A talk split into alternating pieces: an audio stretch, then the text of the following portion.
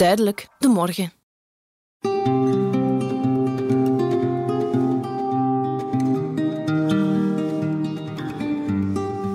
Dit is de tweede aflevering van de podcast Wat is er mis met mij? Een zoektocht naar de oorzaak en vooral de diagnose van een vreemd gevoel waar ik plots uit het niets mee wakker werd op 1 juli 2008. Het was op de eerste plaats een onwennig gevoel dat me na verloop van tijd ook beangstigde. Daarnaast was er een enorme vermoeidheid die gepaard ging met futloosheid, in niets zin hebben, ook niet in de dingen die ik normaal gezien heel graag deed. Ik dacht en hoopte eerst dat het vanzelf wel over zou gaan. Een paar slechte dagen kent iedereen wel, maar het ging niet over. Ik kwam uiteindelijk terecht bij een psychologe die me dan doorverwees naar een psychiater. En daar klopte ik na anderhalf jaar zoeken met een klein hartje aan. En gelukkig maar dat ik dat heb gedaan, want dankzij therapie en medicatie kwam er uiteindelijk weer licht aan het einde van een, naar mijn gevoel, heel donkere en rare tunnel. We zijn nu tien jaar later en ik blik erop terug met psychiater Piet Nijs. In de vorige aflevering werd duidelijk dat ik toen geen burn-out had, maar misschien was ik wel depressief geweest. Mijn eerste vraag aan Piet was dan ook: had ik toen een depressie? Natuurlijk was het geen depressie, want een depressie is, zoals het woord het zegt, een gedrukte stemming die duurt, aanduurt, tenminste twee weken. Niet een keer in de put zitten, hè?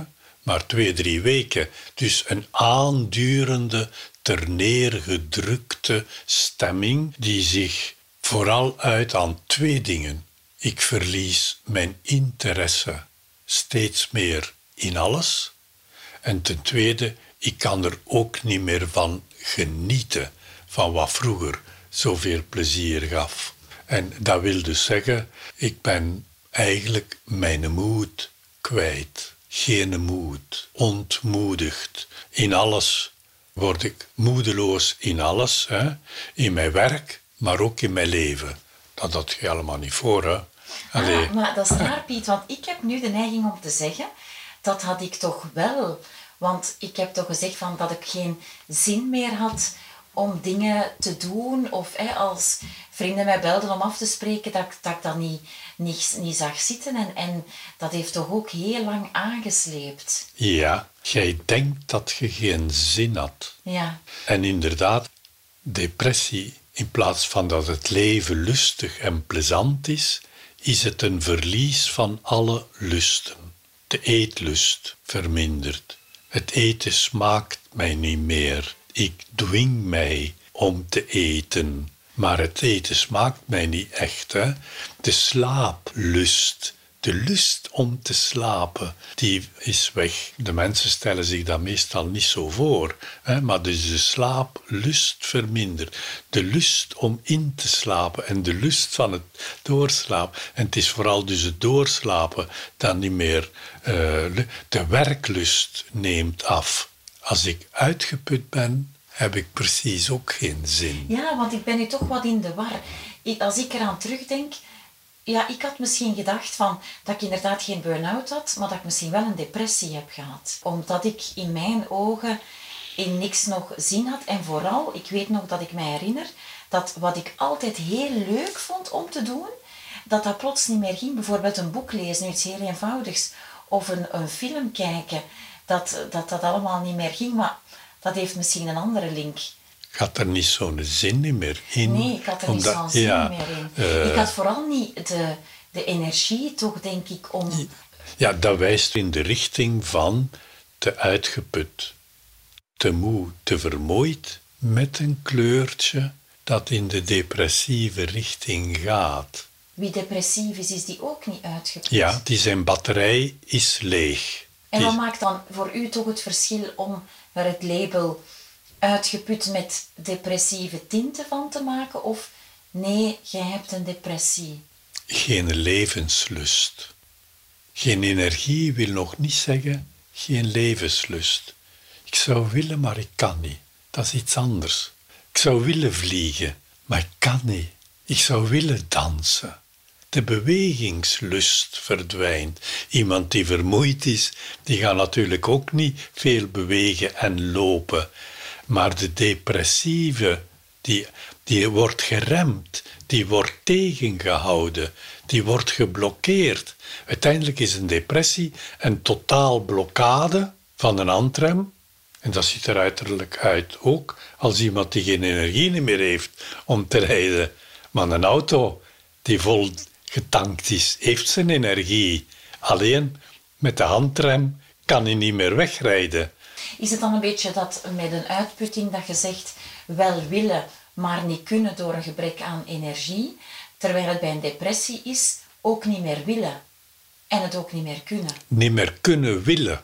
Ah, niet meer kunnen willen. Niet meer kunnen willen. Ik heb niet de kracht, de zin. Normaal heeft men zin in iets. En bij een depressie is er tegenzin. Dat lijkt weer op burn-out. Hè? Burn-out is tegenzin in het werk alleen, terwijl hier de tegenzin zich uitbreidt over alles. Het heeft geen zin. Niet meer het werk, maar het leven heeft geen zin. Ik bleef het toch verwarrend vinden. Er was een duidelijk verschil tussen depressie en burn-out, dat begreep ik, maar naar mijn gevoel had ik tien jaar geleden toch heel wat symptomen die overeenkwamen met de kenmerken van een depressie. Ik had ook in niets zin, ook niet in het leven. Toch was het voor Piet duidelijk geen depressie. Hij zag het als een uitputting, een gebrek aan energie en niet als een gebrek aan lust of zin. Hij beklemtoonde ook dat je depressie niet alleen mag zien als een mentale kwestie, als iets van het hoofd, maar dat het een weerslag heeft op het hele lichaam. Wat ook belangrijk is, vind ik wel, dat dat niet alleen iets is in uw kop, in uw gedachten, maar dat heel uw lichaam door een depressie getekend wordt. Hè. Uw lichaam, je voelt u niet alleen het leven zwaar, uw lichaam voelt ook zwaar en loom en vertraagd. Mm. Hè. En ja, dat had ik niet. Hè. En eh, wat een last, wat een spanning met de spanningspijnen, dat zijn niet de hoofdpijnen van een migraine, met druk op de borst, pijnlijke druk van dat weegt hier zo zwaar. Allee, nekpijnen om het toch vol te houden, rugpijnen, buikpijnen. De plaats van de lust wordt plaats van onlust en pijn. Hè? En niet alleen de vertraging van de bewegingen, maar alles vertraagt. Uw darmen ook. Hè? Dus je hebt niet alleen geen zin om te eten, maar je spijsvertering vertraagt. Je hebt dus obstipatie, verstopping. En van de andere kant, wat ook typisch is, een depressieve mens heeft een slechte smaak in de mond. Dat kan hij niet simuleren. Hè? Dat wil dus zeggen hoe dat uw lichaam daar ook in betrokken is. Hè? stilspreken, het zwijgzaam, het langzaam spreken, bijna niks meer zeggen enzovoort. Hè. Dus een echte depressieve die is mutistisch, hè, die zit daarbij, maar die zegt geen woord. Als ze er moet bij zitten. Hè. Dus als ik u zou vragen een top 5 van symptomen, dan komen we er al niet, want nee. het is veel meer. Uh, Ook echt lichamelijk niet meer vooruit. Het voornaamste is de gedrukte stemming. De, Depressie wil zeggen druk, hè, naar beneden. De ter neergedrukte stemming waarbij ik interesse verlies. Wat mij interesseerde, het interesseert mij niet meer. En vooral, en ik heb er geen plezier meer aan. Ik kan er niet meer van genieten. Wat ik vroeger lezen of zingen of dansen of springen uh, of lopen. Of allee, dat, zijn de, dat zijn bijna de hoofddingen. En dan komt erbij, alle lusten worden getroffen. Hè? De eetlust, de drinklust, de slaaplust, de bewegingslust, de relatielust. Mensen ontmoeten. En ook mentaal de vertraging. Ik kan niet meer goed denken, ik kan me niet meer goed concentreren, ik herinner mij niet meer zo goed. Ook die vertraging komt erbij. En dan de lichamelijke impact van heel mijn lichaam valt stil. Hè? Niet alleen in het bewegen zo, maar ook uw spijsvertering valt stil, uw maandstonden gaan uitblijven, uw immunoafweersysteem valt stil en je wordt gemakkelijker ziek. Terwijl je vroeger nooit een verkoudheid had in de winter of ik weet niet wat, heb je nu alles. Uw weerstand en weerbaarheid Dus is dan zo'n diagnose eigenlijk wel redelijk makkelijk te stellen? Dat het toch heel duidelijk is wanneer iemand een depressie heeft? Ja, ja, ja. Ook al kan ze soms een gelogende zijn, hè, van alleen maar werken. Of afgeweerd in alleen maar werken. De eetlust vermindert, ja. En toch kunt u zo leeg voelen dat je veel snoept, maar niet gezond eet. Je snoept dik. Een aantal verdikken door het feit dat ze vaak zoetigheden en vooral zoetigheden en chocolade, omdat in chocolade een klein beetje een stof zit die belangrijk is voor uw neurotransmitters. Maar kunt die beter nemen met een medicament, anders moet 100 kilo chocolade, eten. ja.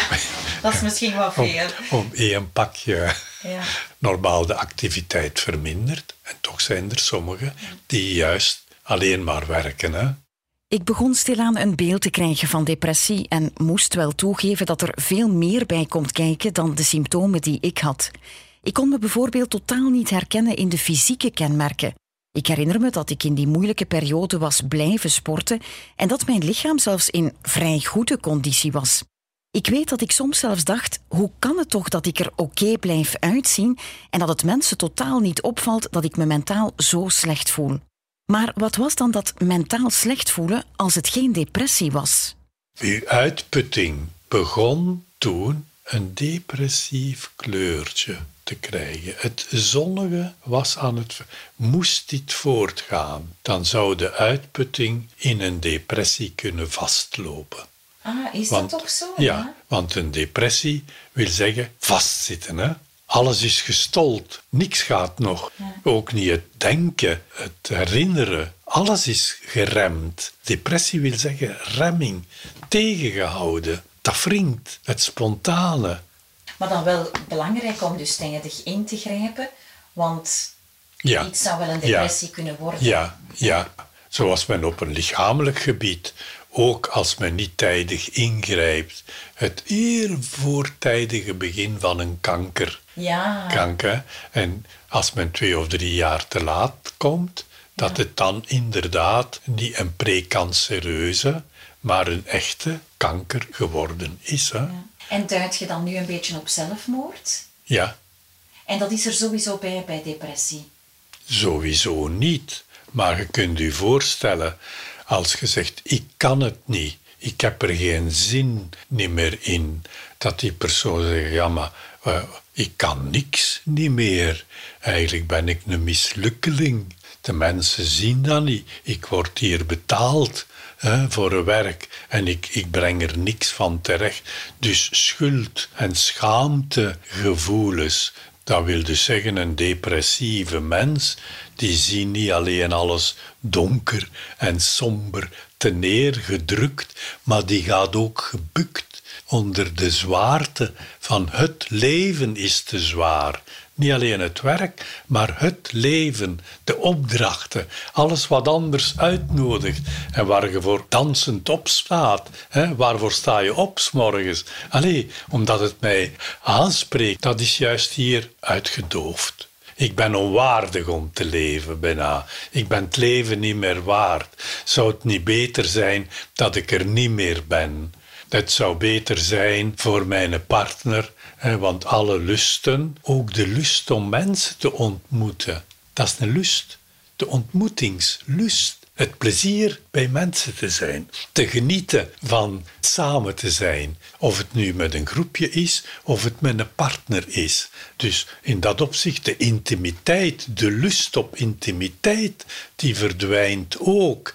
Dus seksueel geen lust meer, geen zin, is een van de eerste tekenen vaak van een depressie die maanden voorafgaat en die natuurlijk niet met Viagra geholpen wordt. Hè.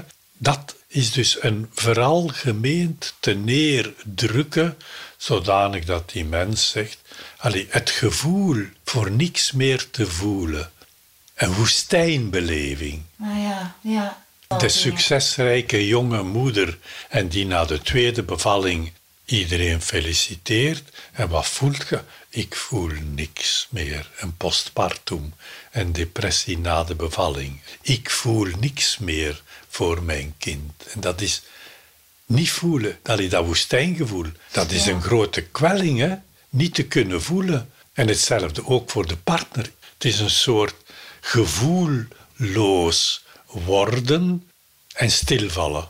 Uiteindelijk, alle depressieve mensen gelijken op elkaar. En verklaar u eens nader, in welke zin dan? Die worden allemaal teruggetrokken, geremd, op hun stoel, thuis, in bed. Die komen letterlijk niet meer buiten. Die, komen letterlijk niet meer buiten. En in plaats van deel te nemen aan het interessante leven, hè, er is geen interesse. En vooral, ik kan daar niet meer van genieten. Allee, de anhedonie, zoals men het woord zegt. Hè? De onmacht om te genieten. De verveling. Alles verveelt mij. Alles is mij te veel. Dat is iets wat u zo wazig en vaag maakt, dat je zegt, het is beter Allee, dat de bekoring dan komt van zou het niet beter zijn eruit te stappen dan dit ondraaglijk, vaag, zinloos, gevoelloos leven voort te leiden.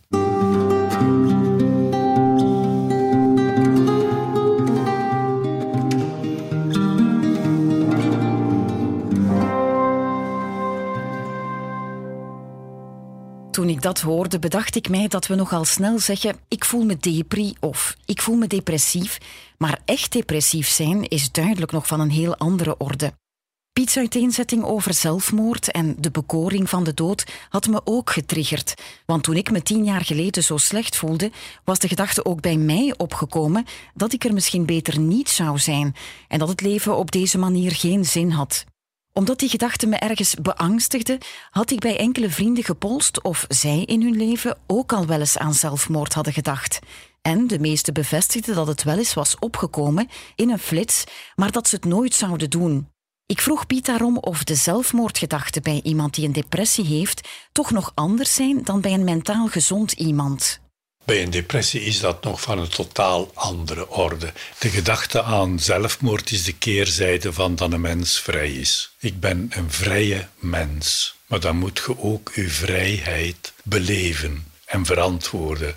Ik kan kiezen voor de ontplooiing of ik kan kiezen voor de vernieling en de vernietiging. Ook de zelfvernietiging. Dat is de keerzijde. Een gezonde mens doet dat niet. Die kiest om te leven om er graag te zijn, niet om niet te zijn. De keuze is simpel. Zijn is beter dan niet meer zijn, dan niet zijn. Dat is de gezonde houding. Dat is de gezonde houding.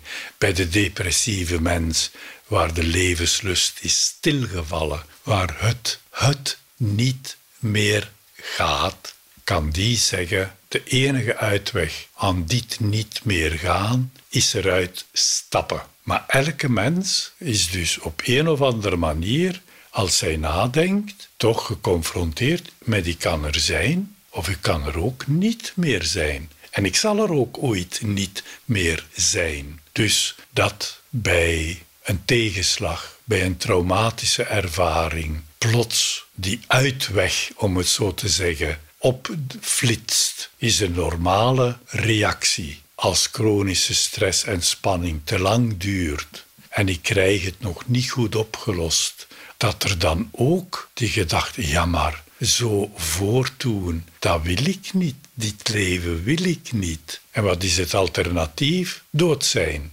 Nee, ik wil zo niet leven. Sta niet gelijk met zelfmoordgedachten. Is vaak ook dikwijls zo met de fantasie moest ik er nu eens een maand niet bij zijn of twee maanden niet bij zijn. En ik zou kunnen zien hoe ze reageren als ik er niet meer ben.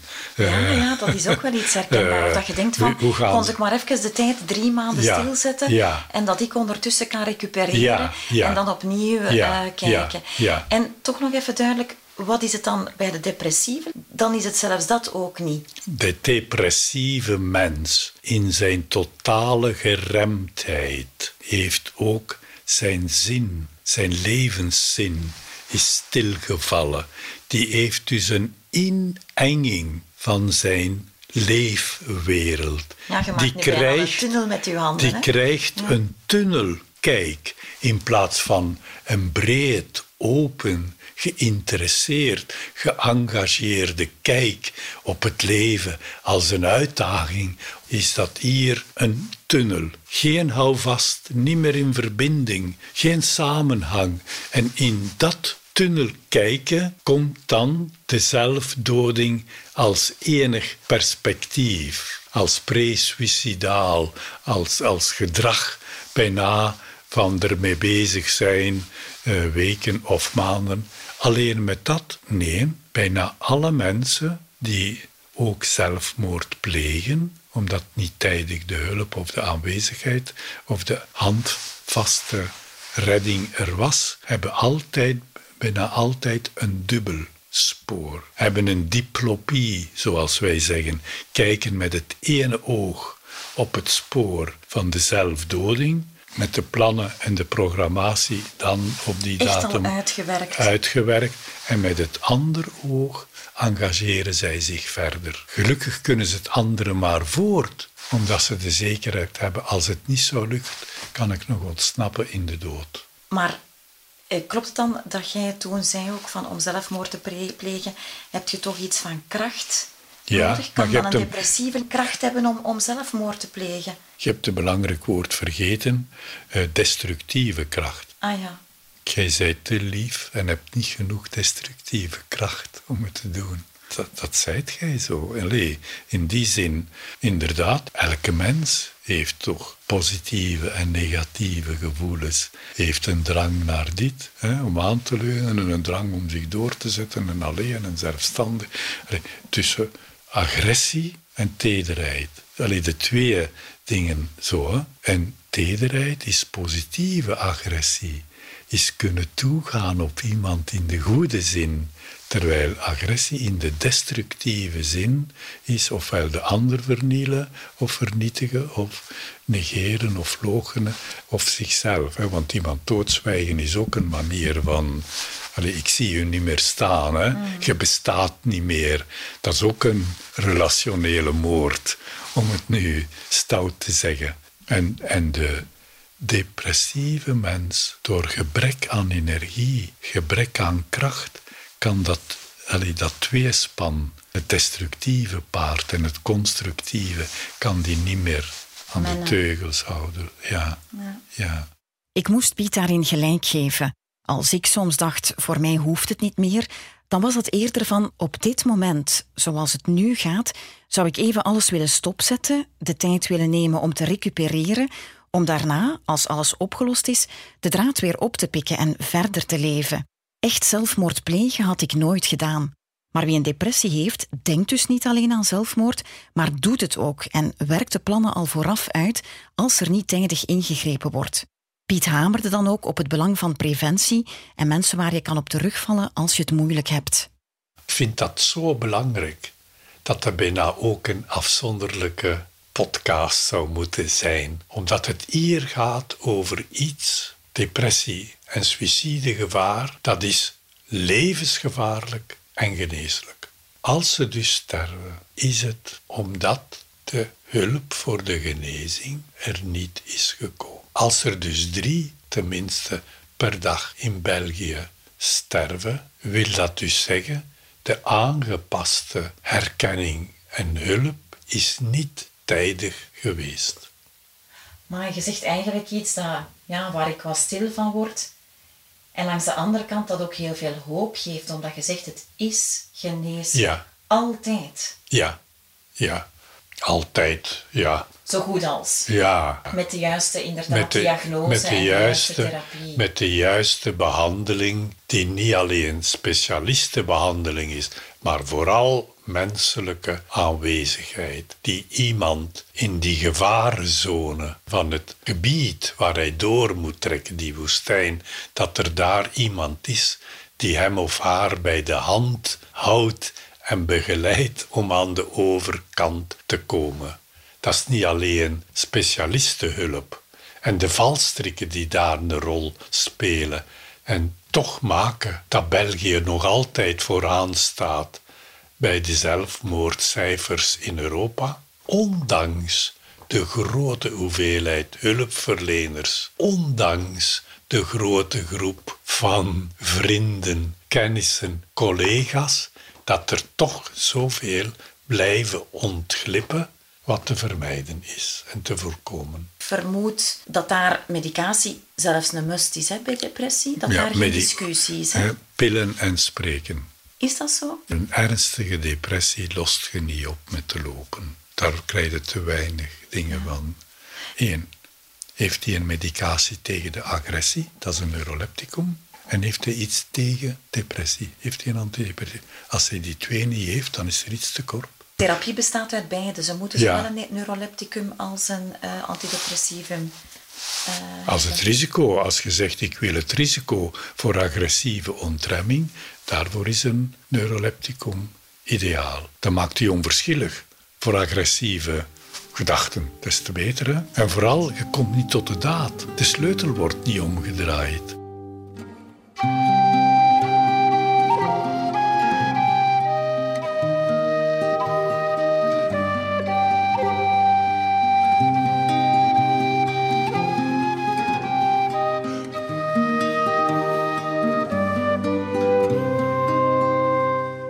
De behandeling van depressie was duidelijk. Gesprekstherapie, maar ook medicatie die dubbel is. Dus een medicijn dat de agressie tempert die tot zelfmoord kan leiden en een medicijn dat de depressieve stemming opklaart. En dan niet te vergeten, je goed laten omringen, het contact behouden met wie je dierbaar is, ook al is de ontmoetingslust weg. Het gesprek rond zelfdoding deed me nog maar eens beseffen hoe belangrijk het is om tijdig in te grijpen. Ik vroeg daarom aan Piet of er uiterlijke kenmerken zijn die ook ik als niet-therapeut en niet-deskundige kan herkennen bij iemand die in een depressie dreigt vast te lopen. Een depressieve mens herkent je aan zijn bewegingsloos, uitdrukkingsloos gezicht. Meent je dat? Want je houdt je gezicht nu ook zo. Is dat dan zo? Ja, die uh... krijgt wat men noemt het depressieve masker, ogen die staren, die u niet meer zien. En in plaats van een beweeglijk gezicht, als je erover spreekt, normaal gaat het mee. Dus het depressieve masker met de neergetrokken mondhoeken, die ik bij u nu meer zie naar beneden gaan, de oogjes die staren en met zo half gesloten ogen, de gefronste voorhoofd, waar er een soort omega in komt. Wel, dat noemt men het depressieve masker. Het gefronste voorhoofd, het bedrukte gezicht, die kijkt bedrukt. En iemand die op weg naar depressie is, kan zich verdedigen door toch te willen blijven actief zijn. Maar de mensen herkennen hem of haar omdat het depressieve masker. Zij is niet meer de levendig beweeglijke collega of vriendin. Zij is star, stijf, rigide, uitdrukkingsloos, lusteloos gezicht, ongenietbaar. En dat is ook het moeilijke, de impact bij de anderen. Dat is dat je een ongenietbare mens wordt. En ontevreden, wie, daar kun je geen vrede in vrede mee zijn. De ontevredenheid en de frustratie maakt vaak dat een depressieve mens niet alleen stilvalt, maar ook prikkelbaar, gejaagd, angstig. Wat gebeurt er toch met mij? Als jij dan de deur open doet voor een, voor een nieuwe patiënt, als die een depressie heeft, kun je dat al bijna van het gezicht aflezen. Of helpt dat toch? Dat helpt zeer veel. Ja? Ja, ja. Die geeft een visitekaartje zonder één woord te zeggen. Eén, het aankijken. Een depressieve mens vertraagt, kijkt u langzamer aan. De glans uit zijn ogen is verminderd.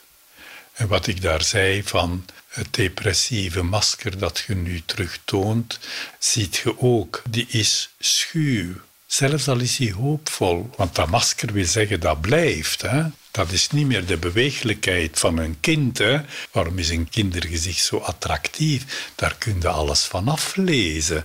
Hier is dat verstijfd, bijna in zwaarmoedig uiten. En de stemmingstoornis, dat ligt in de stemming. Ook in de stemming tussen die persoon en mij. Dus mijn eerste indruk is, hoe werkt die persoon op mij? Ah ja. En ik voel mij minder enthousiast, minder blij. Ik moet dat erkennen als iets wat hij naar mij gestuurd heeft. Niet als, nu heb ik vandaag geen zin om weer iemand te zien. Ja, dat, ligt, dat, is, u, ja, dat is een pakketje dat hij aflevert. Hè? Met die vertraging. De handdruk. Normaal is de handdruk een ontmoetingsgebeuren. Men steekt de hand uit langs beide kanten. Men geeft een handdruk, min of meer stevig. Die heeft een duur en een intensiteit. Als therapeut leert je dat dus waarnemen. Is dat een slappe vod die ik in je hand gedrukt krijg? Is dat een koude hand bij de depressieve? En een koud vochtige hand vaak van de stress. Ja. Dat zijn dus allemaal tekenen. En Ja. ik sta dan even stil, haal diep adem en zeg dan, volgt u mij. Maar dus ik adem in en de depressieve mens heeft een onaantrekkelijke lichaamsgeur. Ook. Ah ja, Dus je dat laat ook uw, uw, uw geurzin eigenlijk werken op het moment dat iemand binnenkomt. ja uiteraard. Hè. Sympathie en antipathie. Hè. Oké, wat dat wist ik helemaal niet. Ik kan u niet rieken of zien. Eerst het rieken, dan het zien. Ja, die uitdrukking, Dus ja, dat is als, als ik dat dus waarneem, neem ik waar? De remming bij mij in het contact waar die mens aan leidt. Dat zijn dus bevindingen van het onderzoek die je al... Aan de hè? deur eigenlijk. Ja, hè, want je hebt, allez, laten we zeggen, je hebt al toch een verwachting. Hè, daar komt een persoon, een man of een vrouw van die leeftijd met dat beroep. En je hebt dan aan de stem toch al gehoord, dus je hebt een verwachting. Beantwoord dat. Dat is vaak zo extreem. Het is zo het eerste dat in de dingen geschreven wordt, dat dat vaak zo overduidelijk is, terwijl je het nadien ook niet meer goed opmerkt. Waar ik nu aan denk is, wat ik mij wel herinner van de eerste keer dat ik bij u kwam, was uw stevige handdruk. Dus ik denk dat jij inderdaad dan toch bewust mensen een heel stevige handdruk geeft om dan te zien hoe dat die daarop antwoorden. Want dat is mij echt bijgebleven, dat dat zo een, een zelfzeker, geen harde, hè, maar een, een zelfzekere, positieve, duidelijke handdruk was. En je moet het hier in handen gaan nemen. Hè? Ja, als En je therapeut. kunt dat, hè? Nee. Ah, als patiënt. Ah ja. Ja. 50% komt van de therapeut en 50% komt van Ja, de ja, uiteraard, ja. Als we dat samen doen, zullen we wel over de helft geraken. Ja, ja, zo'n beetje. Gek genoeg merkten we tijdens het interview allebei dat het thema depressie ons gesprek wat monotoner en geremder had gemaakt, alsof er een zwaarmoedige sfeer kwam binnengewaaid. En dat zijn de dingen die je dus ook ervaart als je een depressieve persoon wil bijstaan. En net dan is het belangrijk om door te zetten en die persoon niet in de steek te laten. Daar hamerde Piet nog eens op.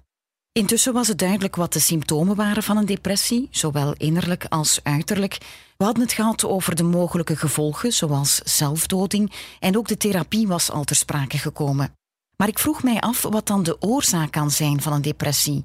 Wat kan er in iemands leven gebeuren waardoor alles plots stilvalt en geen zin meer heeft? En ook niet onbelangrijk, kan het iedereen overkomen of moet je er op een of andere manier gevoelig voor zijn? Alle mensen kunnen een depressie doen. Alle mensen kunnen zo uitgeput geraken door stress dat hun schakelstoffen kunnen. Alle mensen kunnen gek worden. Hè? Hoeveel? 2%?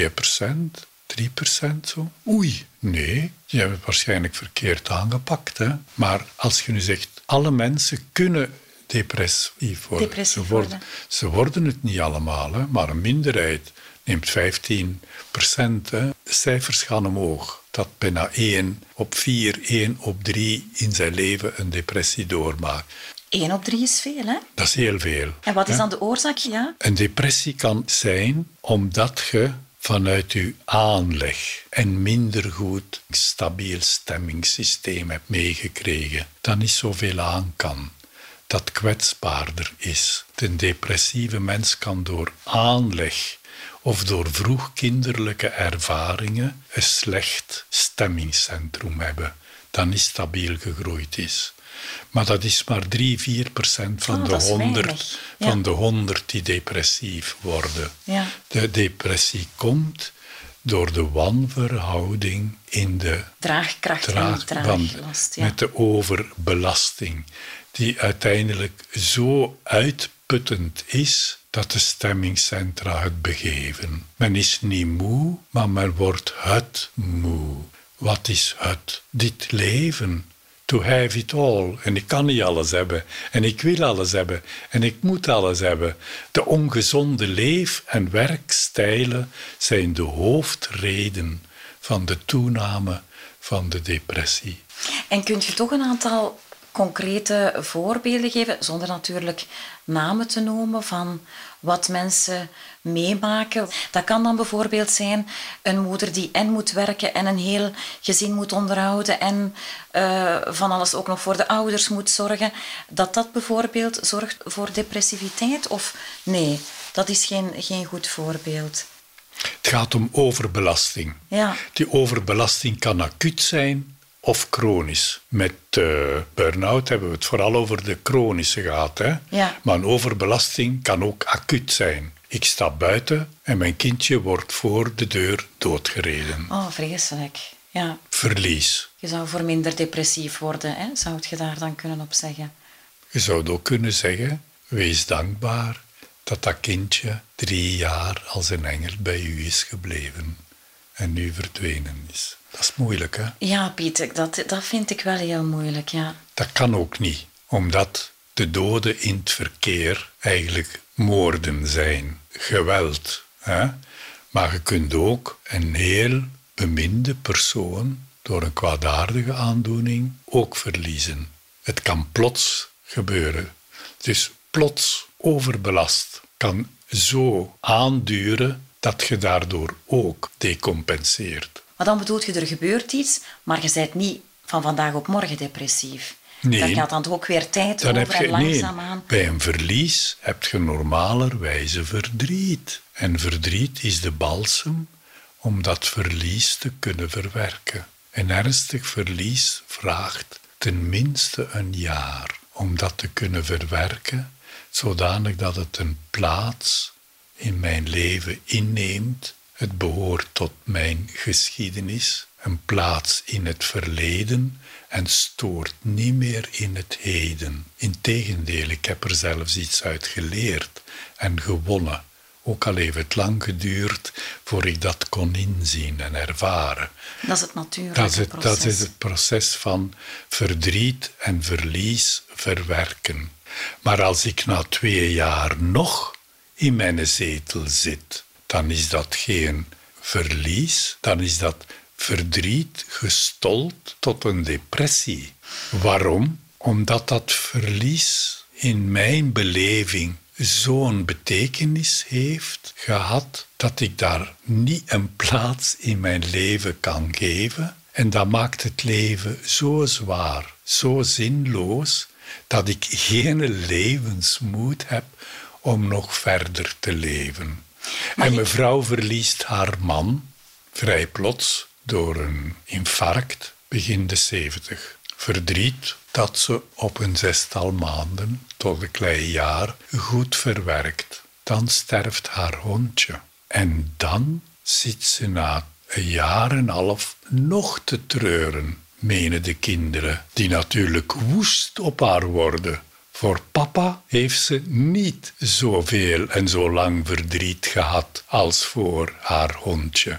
Dus het verwerken van verlies hangt ook af van de steun en de opvang. En natuurlijk, een man is niet te vergelijken met een hondje. Als je uw man een stamp geeft of vernedert, die is dat de volgende dag niet vergeten. Maar uw hondje staat daar de volgende dag terug, mm. kwispelend ja. te Maar je lacht er nu mee, maar je bedoelt toch dat het de optelsom is, hè, die maakt dat je dan ja. eronder doorgaat. Hè? Want waarschijnlijk als het omgekeerd was... Plus het gebrek aan steun. Ah ja, want stel dat het eerst het hondje was en dan de man, zou de depressie ook pas... Ja. Hè? Toch, hè? Maar dat de steun daarin zo belangrijk is. Ja, maar ik wil vooral zeggen het is de beleving, niet de realiteit van een verlies. Want sommige mensen zullen zeggen: Kijk, ik heb nu een depressie en ik heb maar dat meegemaakt. Er zijn toch mensen die veel erger meemaken. En die kunnen wel gewoon voortdoen. Wat laat u toe om te zeggen dat dat erger was dan wat jij hebt meegemaakt? Het is de beleving van wat u is overkomen dat beslist of het overbelast wordt, acuut of chronisch. Bij depressie is het ook vaak iets acuut, waar de coping, de mechanismen om, om, om die overbelasting, die kan ik niet aan. Hè? Dat is zo'n trauma, dat kan ik niet aan. Dat is dan misschien eerst verlies of tegenslag in het werk of in het beroep, of noem maar op, of in de sport of in een uitverkiezing. Maar het is de beleving, die strikt individueel de belasting gaat bepalen. Daar kan natuurlijk therapie helpen om het overgewicht van die belasting te verminderen. Een alleenstaande dame doet ook een depressie nadat haar schoothondje van acht jaar overleden is. Verstaanbaar, hè? Want die was altijd... Met dat hondje natuurlijk. Met dat hondje, als ze thuis kwam van het werk en het beroep.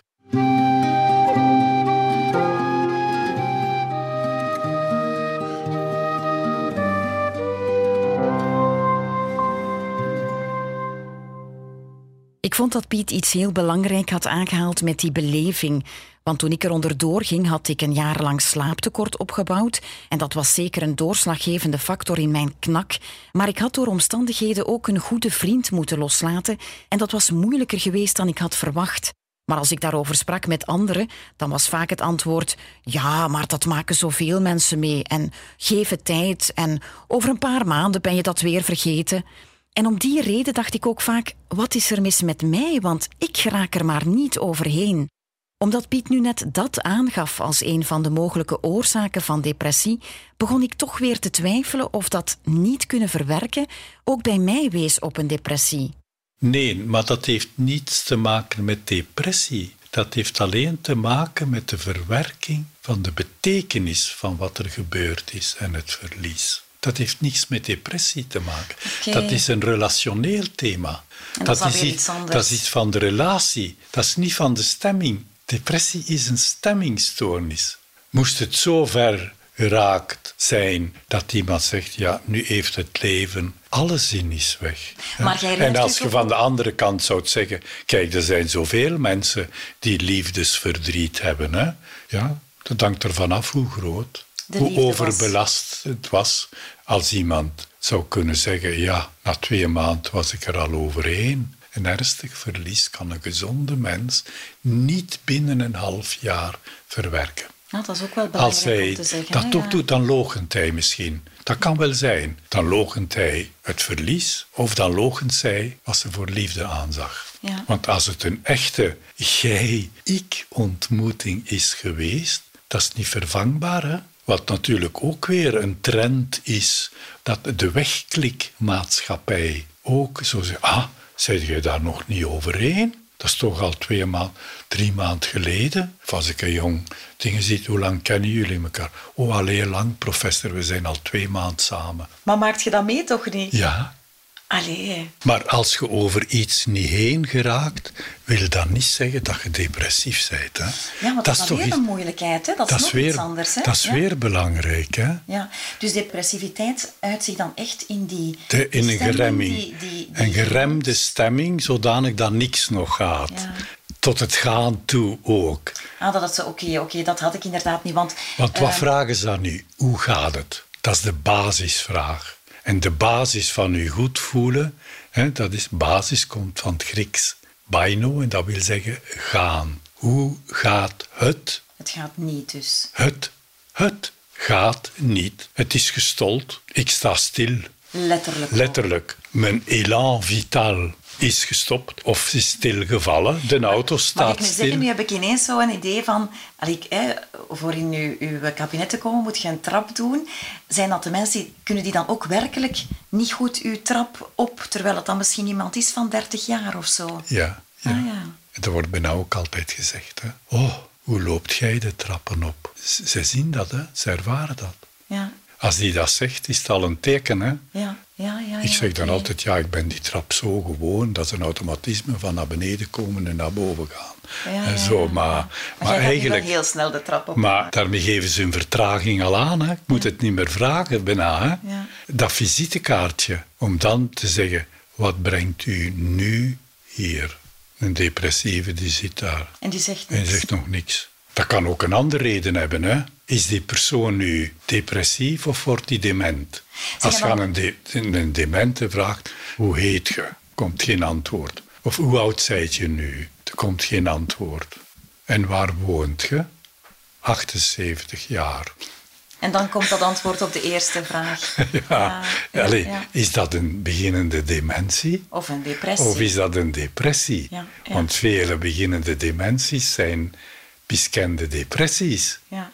Dus als je die een antidepressivum geeft, worden die terug levendiger, betrokkener Ja. en isoleren die zich niet. En zijn ze wel terug geconcentreerd, goed bij. Hè? Dat is een functionele stoornis door tekort aan schakelstoffen en niet door uitval van de banen. Hè? Ja, ja, wat dan iets een- anders is. Hè? En toch nog even Ja. teruggaan op de vorige uitzending rond de burn-out. Dus iemand echt in, in een, een burn-out, die zal niet die vertraagdheid hebben, of dan zou de burn-out al geleid hebben tot een depressie. De vinnigheid waarmee de burn-out plots over dat werk, dat we niet meer kan rieken of zien, en hoe de collega's waren, en hoe ze mij opzij gezet hebben. Ah, daarover babbelen dan. Dus je voelt in een gesprek dat ze daar dan ineens... Oh, dan heb je plots zo'n een navuurtje dat terug opflakkert. Hè. Ja, en dat gaat de depressie En dat gaat een depressieve niet hebben. Die hè. blijft Die blijft geremd. Hè. Ja, dus dat is voor u dan toch heel moeilijk om een therapie te starten, want daar komt dan bijna geen woord uit. Nee, ik moet daar geen woord uit krijgen. Jij ziet dat en... Nee, ik verwoord wat hij niet kan. Zoals ik het aanvoel, hè, kunde jij nu echt niet zeggen hoe hopeloos of wat verdriet dat dat u toen gedaan heeft. Ja. Dan komt er misschien na twee minuten één een traan. Want die Ja. wenen ook niet, hè. Dat is ook stil. Allee, dat is opgedroogd. Dat zeggen die ook, hè. Ik kan niet meer wenen. Allee, voel je verdriet. Kun je nog wenen? Hoe ver zou het al zijn, moest je terug kunnen wenen? Dan had je terug gevoel. Oh, en dat, ver, erg, en ja. dat verwoord je zelf. Ja. Wat zij niet. Hè? Voel, Ja. ik, voel ik het goed aan? En de partner die daar dan... Ziet het? Dat met hem kun je niks aanvangen. Hè? Zie je Oh, dat het? ze soms Het per twee komen. Ah, ja. Ah, ja, ja. ah, ja. Wat dan, om- omdat hij het vaak mee in stand houdt. Hè? Door Er nog erger achter echt te zitten. achter te zitten. Hè? Ja. Maar dat kun je het heel goed opvangen, toch? Uw man is psychisch gebroken. Zo moet je dat zien nu. Gebroken. Vraagde hij, als hij, heeft hij al een beenbreuk gehad? Ja, bij het skiën. Heb je toen ook gezegd dat hij daar moest op staan? Nee, want dan kan hij nu toch ook niet staan. Je moet hem bijstaan. Ja, maar hij wil niet. Ah nee, hij heeft niet de kracht om te kunnen willen. Dan moet ik... Wilskracht is kracht, hè? Waar zou je die kracht vinden? Er is geen kracht. Alle kracht is eruit. Dat zijn zo simpele uitspraken, maar die... Veelzeggend zijn. En ook zeker voor degene... Hè, want die denkt ook, zoals ik is er maar één, die zo een mislukking is en zo een ramp. Ja, ja, dat is inderdaad ook wel Ja, herkenbaar. Dat je denkt dat je de enige bent die... eh, Ja, ja. Ik schaam mij voor onze kinderen. Hè, hoe hij daar zit, hoe zij daar zit. Dat gaat zijn schuld- en schaamtegevoelens niet verbeteren. Hè. Nee, Hè? in Hè? tegendeel. Nee, maar in tegendeel. Daar had ik ook niet bij stilgestaan. In de preventie en de therapie is het voor Piet heel belangrijk dat de depressieve persoon wordt bijgestaan door een vriend of een partner. Maar die partner kan het ook erger maken als die de ernst van de situatie niet inziet. Omgekeerd is het voor de partner ook niet makkelijk om met een depressieve persoon samen te leven en erbij te blijven, want eigenlijk ben je dan met twee alleen. Dus opnieuw een pleidooi om tijdig aan de alarmbel te trekken en hulp in te roepen. Nu, een van de dingen die ik zo bijzonder vind aan Piet, is dat hij zo goed en duidelijk vergelijkingen kan maken met het gewone leven. Neem nu die beenbreuk. Je gaat inderdaad nooit aan iemand vragen om op een gebroken been te steunen. Dus je kan van een depressief persoon ook niet verwachten dat hij plots levendig en blij is. Het mentale functioneren van iemand vergeleek Piet vaak met een huis. En als je mentaal ziek bent, schort er iets aan dat huis. Ik vroeg aan Piet wat precies het probleem was in het huis van iemand die een depressie heeft.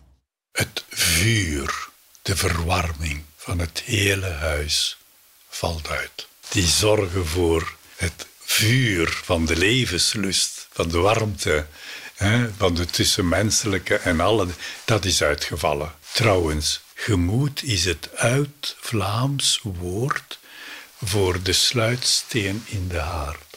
De haard? De haard, die heeft ah, van boven zo een sluitsteen dat die niet invalt. Hè? Ah, en dat noemen de metsers het gemoed. Wel, die haard is ingestort. Dat vuur brandt. Allee, de haard is kapot. Dus heel het huis is niet meer, niet meer verwarmd. verwarmd worden. En dan toch om het duidelijk nee, met te de levenslust. Bij burn-out is dan in één kamer ook het vuur uitgevallen? De werkkamer, ja. ja. In de werkkamer, daar is ook eigenlijk de verwarming uitgevallen. Of zou je het toch nog anders omschrijven? De verwarming is niet uitgevallen daar. Uh, dat stinkt daar ik walg daar.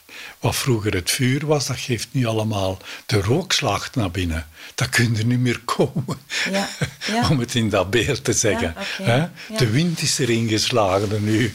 Komt, heel die kamer, hangt vol roet. En, maar in de andere kamers ah, is er geen enkel probleem? Geen probleem, Oké, dat is wel duidelijk. Ja, ja. Allee, het vuur in de moderne woning is, dat, is er geen aardvuur nu. De elektriciteit, de stroom is uitgevallen. Hè. Zodanig dat het voelen, het rieken, het dingen, eh, marcheert niet, meer. niet meer. Het bewegen, alles is traag op flikkeren. De ene keer start hij, de andere keer niet. Hè. Dan staat hij op, dan niet. Hè. Maar als ik dan kijk, is het heel belangrijk om daarin te beseffen... de kamers en het huis zelf zijn eigenlijk in orde. Hè? Het is echt ja, de verwarming... het is geen persoonlijkheidsstoornis. Ja, geen van beide. Nog burn-out, nog depressie ja, ja. zijn persoonlijkheidsstoornissen. Op het moment dat je met borderlines en andere dingen komt, dan... Is het anders. Dan, zitten, dan worden er delen van de kaam, van het huis, afgesloten. Hè? Niet meer bruikbaar. Hè? Dat is wat anders. Hè? Ik had een heel andere kijk op depressie dan voor ons gesprek. Ik vond het enerzijds een moeilijke diagnose, of toch moeilijk om een verschil te zien met de symptomen die ik had... Anderzijds waren er zoveel overduidelijke kenmerken bij een depressie dat ik inderdaad moest besluiten dat ik niet depressief was geweest. Maar wat had ik dan wel? In de volgende aflevering bekijk ik met Piet of ik een borderline-stoornis heb doorgemaakt.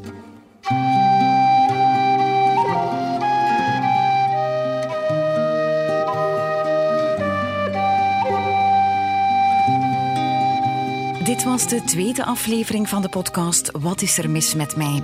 Ik ben Maite Goossens en ga in deze reeks op zoek naar wat er precies met me gebeurd is op 1 juli 2008 en wat me nadien nog anderhalf jaar lang uit evenwicht heeft gebracht. Zoals altijd was het een fijne babbel met psychiater Piet Nijs, waarvoor ik hem zeer dankbaar ben. Ook een grote dankjewel aan Yannick Demarsin, die me super heeft geholpen bij de montage. Mijn vader, Toon Goossens, schreef de muziek voor deze podcast en speelde ze in met Jeroen Delft. En dan mag ik mijn nichtje Ilia van den Broek niet vergeten, die de cover ontwierp en tekende.